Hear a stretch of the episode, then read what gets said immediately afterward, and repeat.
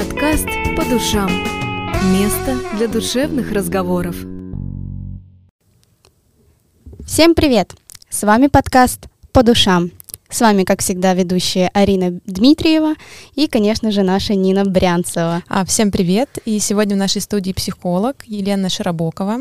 Мы поговорим о прекрасном, о любви и попробуем раскрыть секрет того, как выстроить здоровые отношения. Привет, Елена! Всем привет! И сегодня, девчонки, я бы хотела начать а, с такого вопроса. А, что вообще для вас значит любовь? Какой вопрос-то? Слушай, мне кажется, я даже не задумывалась так, чтобы прям вот как в школе ответить любовь это. Эм, ну, наверное, кроме каких-то чувств и привязанностей должна быть э, взаимное уважение должно быть. Вот, вот это для меня, наверное, настоящая любовь, а не просто э, какие-то чувства мимолетные. Угу. Лена? Очень интересный вопрос такой, кстати. Э, но любовь — это прежде всего чувство. Это именно чувство внутри, это не мысли об этом, то, что это не те мысли, когда мне кажется, что я кого-то люблю, это именно чувство. Ну и, конечно же, это не, при, не про привязанность, не про, тем более, болезненную какую-то про mm-hmm. привязанность, да. И часто, кстати, люди путают вот эту первую влюбленность с любовью. Mm-hmm. Что вот а где любовь, да? Что а влюбленность это есть ли любовь? Но во влюбленности mm-hmm. точно есть любовь ну, в какой-то степени, да. И для меня вот так любовь — это чувство, которое... Э, вот есть такая поговорка «красота спасет мир». Да, да, да, да, да. А я считаю, что любовь спасет мир. Любовь, доброта, да. Я, да. кстати, тоже так считаю, потому что без любви и уважения не может вообще существовать этот мир. Если бы любви не было, то происходили бы страшные вещи, которые, конечно же, до сих пор происходят но не в таком количестве, как они могли бы происходить. Ой, девочки, вы такие хорошие, вас так приятно слушать, вы прям такая доброта воплоти. Сегодня мы на, наполним нашу студию добротой, любовью и полезными советами. А, Лена, расскажи нам тот самый секрет, как же все-таки выстроить вот эти вот здоровые отношения, в которых много любви, счастья, но в первую очередь это уйти от того понимания, то, что здоровые отношения это про двух половинок. А Объясни. прийти, ну, прийти к тому, что здоровые отношения это отношения двух здоровых, полноценных людей а не половинок. А не половинок, угу. которые вместе для того, чтобы вместе наслаждаться, чтобы вместе строить какие-то планы, какие-то достигать какие-то цели совместные. Угу. Ну и, конечно, в первую очередь наслаждаться именно и усиливать друг друга в этих отношениях. Не мешать друг другу, вот быть той самой крепкой единицей, а именно соединиться и делать вместе, но когда каждый выполняет свое.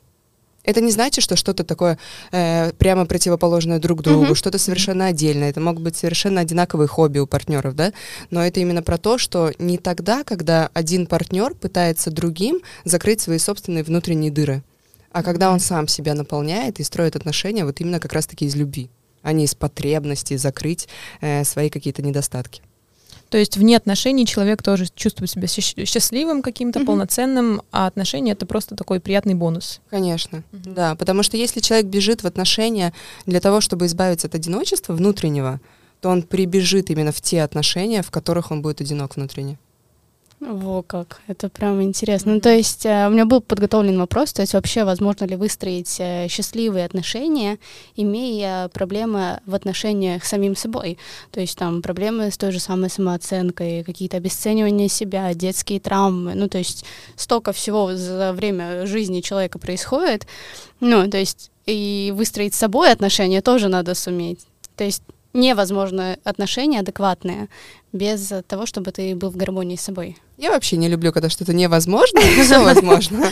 Ну, то есть, возможно к этому прийти. Это не означает то, что сначала человек должен полностью прямо вот на все сто процентов себя проработать, и то я считаю, что вот эти э, на сто процентов себя проработать, возможно ли это вообще? Угу. То есть у нас мы всегда выходим на какой-то новый уровень в своем сознании, в своем мышлении, и нам всегда есть э, над чем работать внутри себя. И поэтому вот ждать этого идеального момента, конечно, не стоит.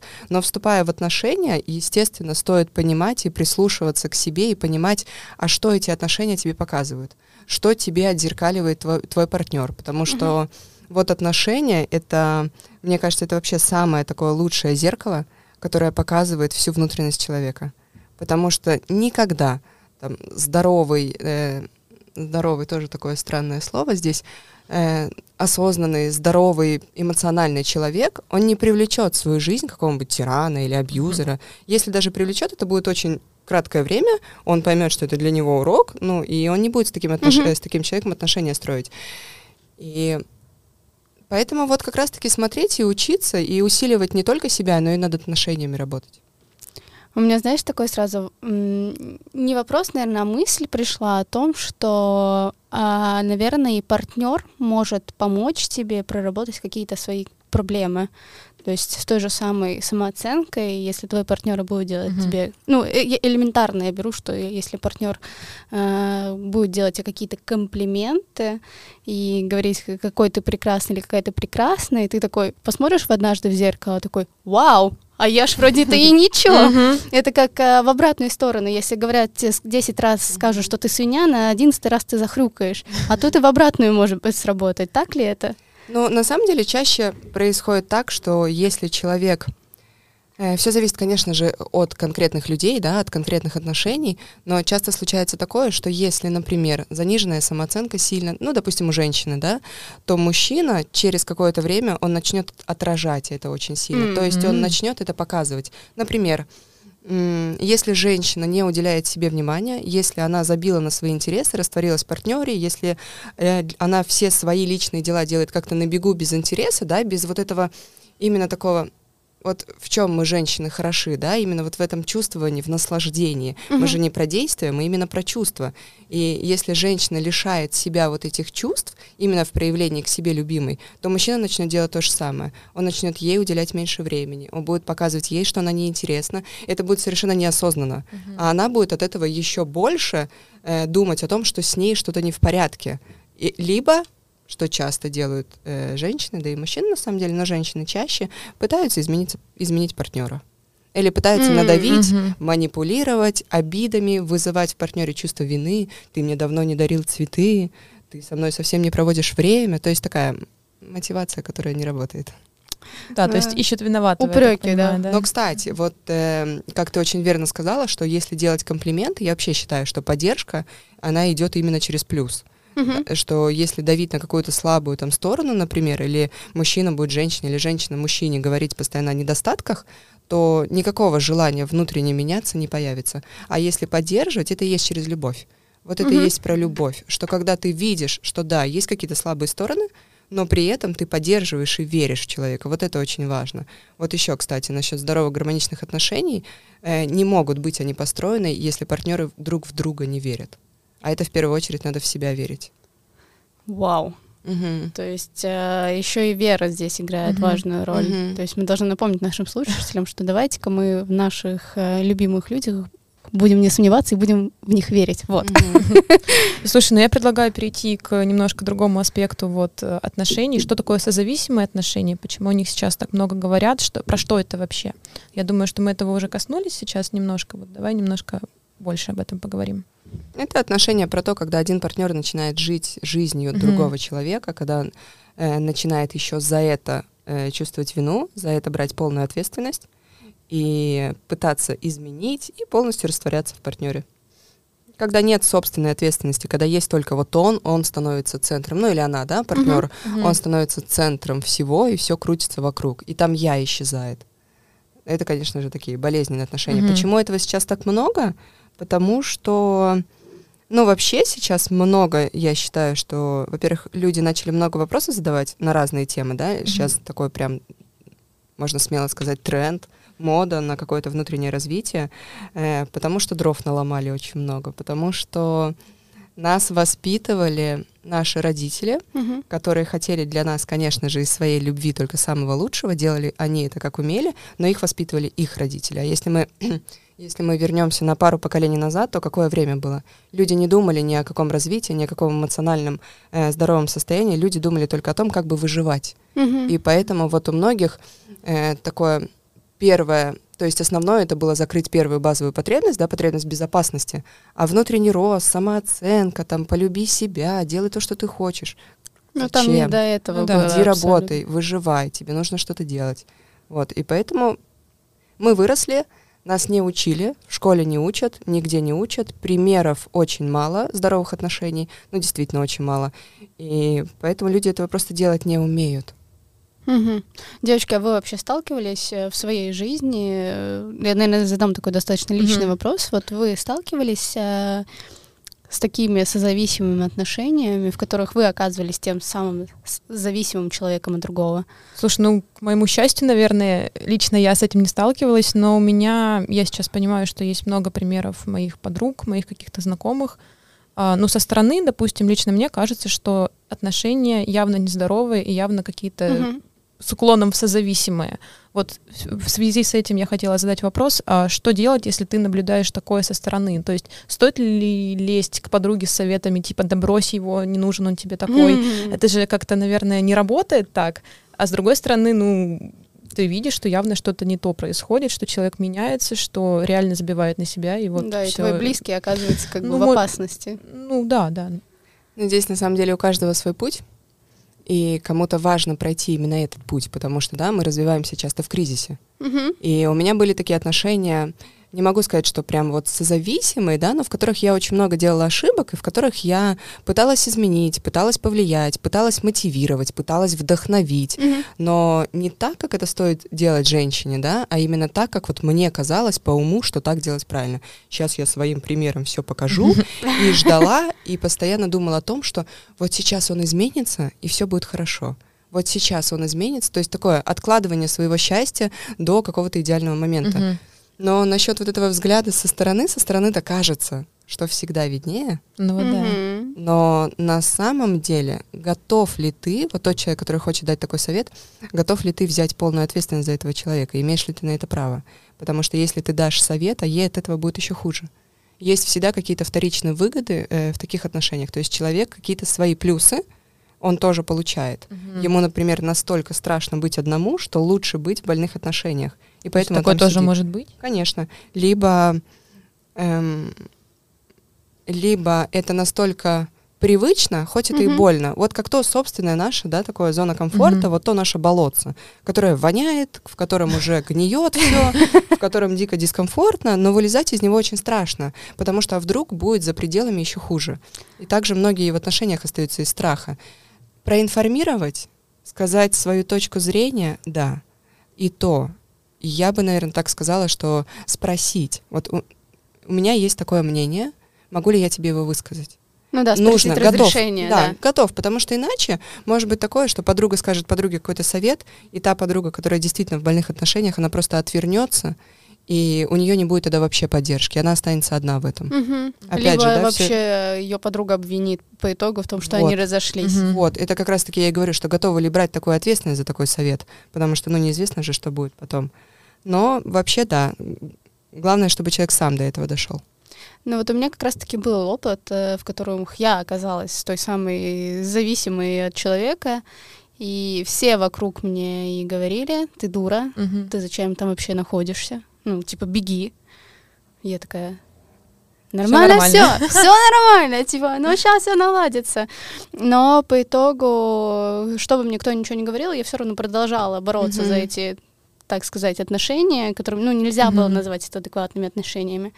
И спустя какое-то время я сама дошла до той точки, сказала, что вот это вот все, на этом я ставлю точку, ухожу. И после этого у меня взяло время для того, чтобы, ну, как бы, ну, реабилитироваться, да, чтобы прийти к здоровым, нормальным отношениям, в которых я сейчас нахожусь, и я вижу разницу, каким я была тогда человеком в отношениях, и каким я являюсь сейчас. То есть я чувствую себя настолько свободной, любимой. Ну, то есть Мгм. и ты, когда возвращаешься домой, у тебя есть такое ощущение спокойствия. Вот, вот так вот хотелось бы всегда. И тогда я возвращаюсь мыслями туда, типа, а как я вообще могла допустить, Ужас чтобы какой. оказаться вот в Мгм. таких дерьмовых отношениях?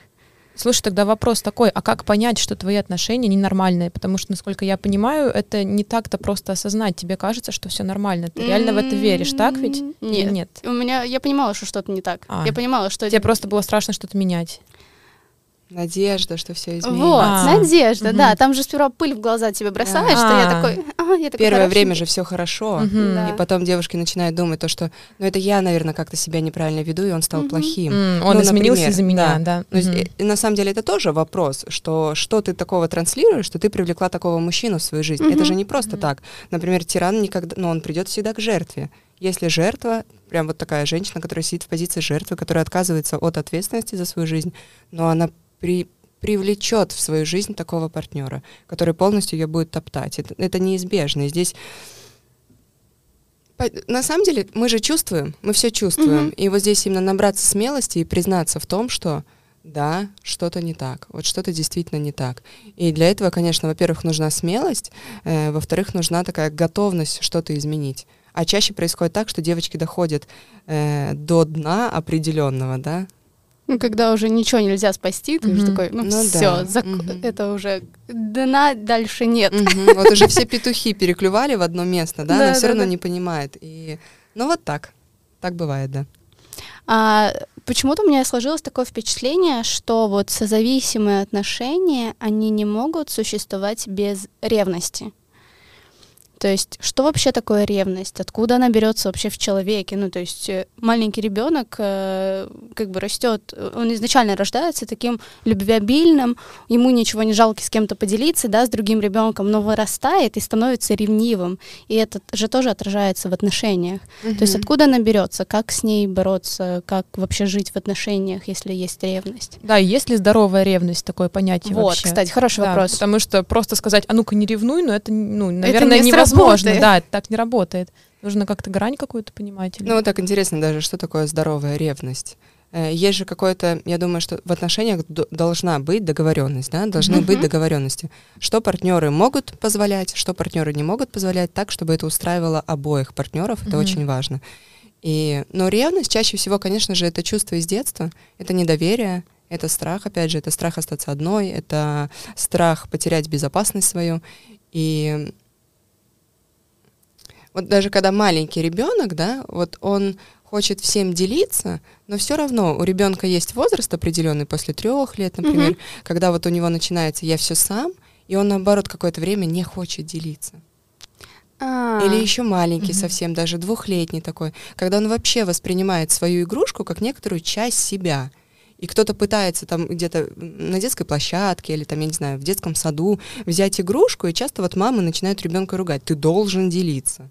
А с другой стороны, если взрослому человеку сказать, дай свою игрушку там поиграть кому угодно, он скажет, почему я должен кому-то это давать? моя Ну да, игрушка. моё. Отдай айфон Да, кому-нибудь, давай-ка. Да, это мое, ну такое собственничество, и у ребенка оно тоже вырабатывается. И, ну, чаще всего, конечно же, проблемы с ревностью это проблемы с недоверием, а это из детства. Потому что человек боится, что он будет менее интересным, чем кто-то другой. И что от него уйдут, его бросят, и он останется один. А страх одиночества это вообще такой один из базовых страхов наших. Ну, он есть во всех практически. А как все-таки бороться вот с этим ощущением ревности внутри себя? Не бороться ни в коем случае. Не бороться вообще. Я вообще не люблю, когда люди пытаются бороться со своими чувствами и как-то их подавлять, потому что чем больше мы отказываемся от своих чувств, делая вид, что мы не ревнуем, все нормально, Мгм. или то есть, ну как обычно бывает, появляется какая-то ситуация, Мгм. ну триггер какой-нибудь, да, э, появляется чувство определенное, на примере чувство ревности. И, к примеру, девушка пытается себе умом объяснить своим чувствам, что я не должна это чувствовать, эти чувства неправильные, у меня же все в порядке. Подумаешь, он просто там с кем-то пофлиртовал. Ну, например. Мгм. То есть она пытается себе умом сказать, что ей не надо испытывать это чувство. И в эту секунду она, что она делает? Она отказывается от своей части, она как будто от нее отворачивается. М. Естественно, у нее потом будет плохое настроение, у нее не будет энергии, потому что вот эта ее полноценность, она так и нарушается, когда мы не принимаем частичку себя, а именно вот обратить на себя внимание, сказать, да, я ревную, да, я испытываю это чувство, почему оно, что я боюсь, что мне страшно, где мой страх, о чем эта ревность, потому что все наши чувства, они о чем-то нам говорят, это же наши сигналы. Поэтому не бороться, а вот именно понять и понять, откуда корни растут. Вот если это недоверие, тогда поработать с доверием. Если это проблема вот какой-то самоценности, когда человек Мгм. считает, что все вокруг круче, и только вот стоит партнеру посмотреть налево или направо, все, я неинтересна ему, он выберет кого-то другого. Ну, значит, над собой поработать. Потому что здесь есть такой классный момент, вот когда мы э, находимся в своем сильном состоянии. А что такое наше сильное состояние? Это когда мы расслаблены, когда мы кайфуем, когда мы полны энергии, мы реагируем на вещи совершенно по-другому. Ну, посмотрел там кто-то, ну какая разница, он со мной все равно. Мгм. А когда мы такие слабенькие, там, стресс, например, усталость, либо не дали себе внимания, не дали себе э, заботы какой-то, вот где-то тоже закрыли глаза на свои чувства, то начинаем это все раскручивать сразу, начинаем это раскручивать. И поэтому вот важно именно не бороться, принять это чувство и понять, о чем оно говорит, и это проработать. Слушай, а если наоборот, вот, например, у тебя очень-очень ревнивый партнер, и тебе это мешает, это вызывает дискомфорт, потому что он к тебе цепляется и как-то вот на тебя транслирует свои проблемы. Ш- Надо ли как-то дать ему понять, что это неправильно, либо наоборот, там, не знаю, взять за ручку, отвести к психологу, что делать? Или наоборот э, выяснить, откуда у него это все Ну, пришло. Поговорить как-то. А, не, ну а если он не хочет, например, если он вот закрылся и говорит, все, ничего, все нормально, просто вот ты такая всякая. Я обычно, если что-то не так, я начинаю задалбывать вопросами, пока мне не расскажут правду. Если что не так. Ну, именно, да, вот выяснить, почему, и, возможно, ну, то есть именно через какой-то мягкий разговор, не так, что ты надоел своей ревностью, ты меня душишь, ну, что-то Мгм. такое. Не отсвечивать это так, а именно спокойно поговорить, сказать то, что да, меня это волнует, я переживаю, объясни мне, пожалуйста, может быть, я как-то заставляю тебя ревновать. Просто вот посмотреть именно его мышление, Мгм. потому что Мгм. он же может действительно к столбу приревновать. Ну да. Такое же тоже может случиться. да. Может просто телефон позвонить, а он уже там весь э, ревностью покрылся. И вот просто узнать у него, что почему ты ревнуешь, что давай с тобой договоримся о чем-то, и именно поработать с доверием в отношениях. Но Мгм. вряд ли такое будет, когда в отношениях все хорошо, когда есть открытые диалоги, Мгм. и вдруг из ниоткуда появляется ревность. Вряд ли. Скорее, это уже какое-то, ну, как, так- какое-то следствие. А если действительно вот в отношениях все хорошо в остальном, э, девушку все устраивает, но мужчина, допустим, постоянно ревнует к столбу каждому. Контролирует, звонит, там, я не знаю, читает смс в общем, все-все-все делает, э, ругается, возможно, критикует за это, юбку не, не дает короткую надеть. А это разве же не первые признаки абьюзинга? Ну да, это что-то абьюз Ну, это я, конечно, так очень сильно преувеличила, да? Это прям проблема какая-то. То есть здесь либо решать, либо уходить. Мгм. Ну вот прям вот так, без каких-то лишних таких обдумываний. Если это просто иногда для того, чтобы перчинку подкинуть в отношения, ну совсем так легко, без Мгм. конфликта, Мгм. Мгм. ну тогда это ничего в этом страшного нету, я думаю. Мгм. А если вот э, э, Нина спрашивает, допустим, про, про то, как э, если твой партнер, да, почувствовал ревность, как тебе действовать? А у меня э, встречный вопрос, как э, вот тому человеку, кто почувствовал вот эту ревность и начал ревновать человеку, как ему объяснить своему партнеру, что вот вот я ревную и не знаю, что мне с этим делать. Как к нему подойти? Ну, И- мне, э, извини, прибью, мне кажется, что мужчинам, возможно, сложнее как-то говорить о своих чувствах в принципе и, Мгм. и как-то признавать то, что он может быть слабым, может быть, это реально какая-то травма из детства. В целом, иметь травмы, возможно, э, ну, как-то не вяжется с образом там сильного мужчины и так далее. Некоторые это понимают и не хотят э, об этом говорить, даже давать там понять, что он может быть слабым каким-то, э, несовершенным и так далее. То есть это же, ну, с самооценкой тоже связано, я так понимаю, да? Мгм. Я с каждым разом все убеждаюсь, что отношения это на самом деле такой сложный процесс, Мгм. когда два человека сталкиваются, и ну, они же абсолютно две разные, как мы говорим, единицы. Да. И вот они, когда приходят э, в мир своих отношений, им надо подстроить, ну, как, грубо говоря, подстроиться друг под друга, чтобы вот эти две пазла, два пазла сошлись между друг Мгм. другом, и у них была Мгм. гармония. Мгм. И мы каждый раз сейчас это обсуждаем, и я такая, вау, как это сложно! Ну да, самое важное это разговаривать. Научиться Мгм. разговаривать, именно вести вот эти открытые доверительные э, диалоги. Что это такое? Это когда два человека чувствуют себя безопасно. Мгм. когда, ну вот, каждый предоставляет безопасность другому. То есть не винит, не обвиняет, не говорит, ну ты с ума сошел, что ли, меня ревновать. Ты вообще, ну я имею в виду как-то по злому, да? Мгм. Не Мгм. так, что как-то в юмор это перевести, а именно по злому. А вот так, как объяснить, э, говорить обязательно от позиции «я», конечно же, говорить от свои, о своих чувствах. Но если, здесь тоже очень важно понять, ну, объяснишь, вот, допустим, объяснишь своему партнеру, я ревную, мне там от этого плохо, а дальше-то что? То есть, что он может сделать для того, чтобы это чувство в тебе не появлялось? Мгм. Он не может сделать ничего, если он действительно не нарушает границы, не нарушает договоренностей. Вот, к примеру, действительно, он не дает никаких таких явных признаков, да, а, ну просто на работе задержался, угу. а женщина уже начинает ревновать. И вот она ему это проговаривает, но это же ее чувство. Он угу. ей может сказать, ты что там, я тебя так люблю, мне никто не нужен. Он это может сказать, но как часто он это будет говорить? На десятый раз ему просто это надоест. Угу. Да и то не на десятый.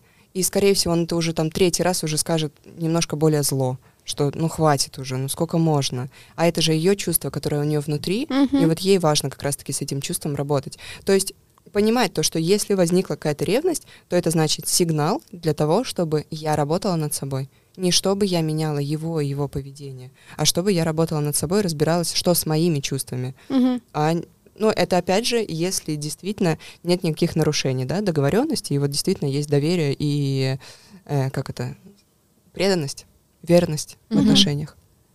Но если, допустим, какой-то прецедент был, была какая-то измена уже, и женщина просто вот на нервах, она превратилась в какого-то следопыта, начинает вот это вот подозревать, как-то э, следить, то есть в принципе, это не прям беспочвенные какие-то обвинения, то есть что-то такое уже случилось, и у нее просто тревожность какая-то развивается.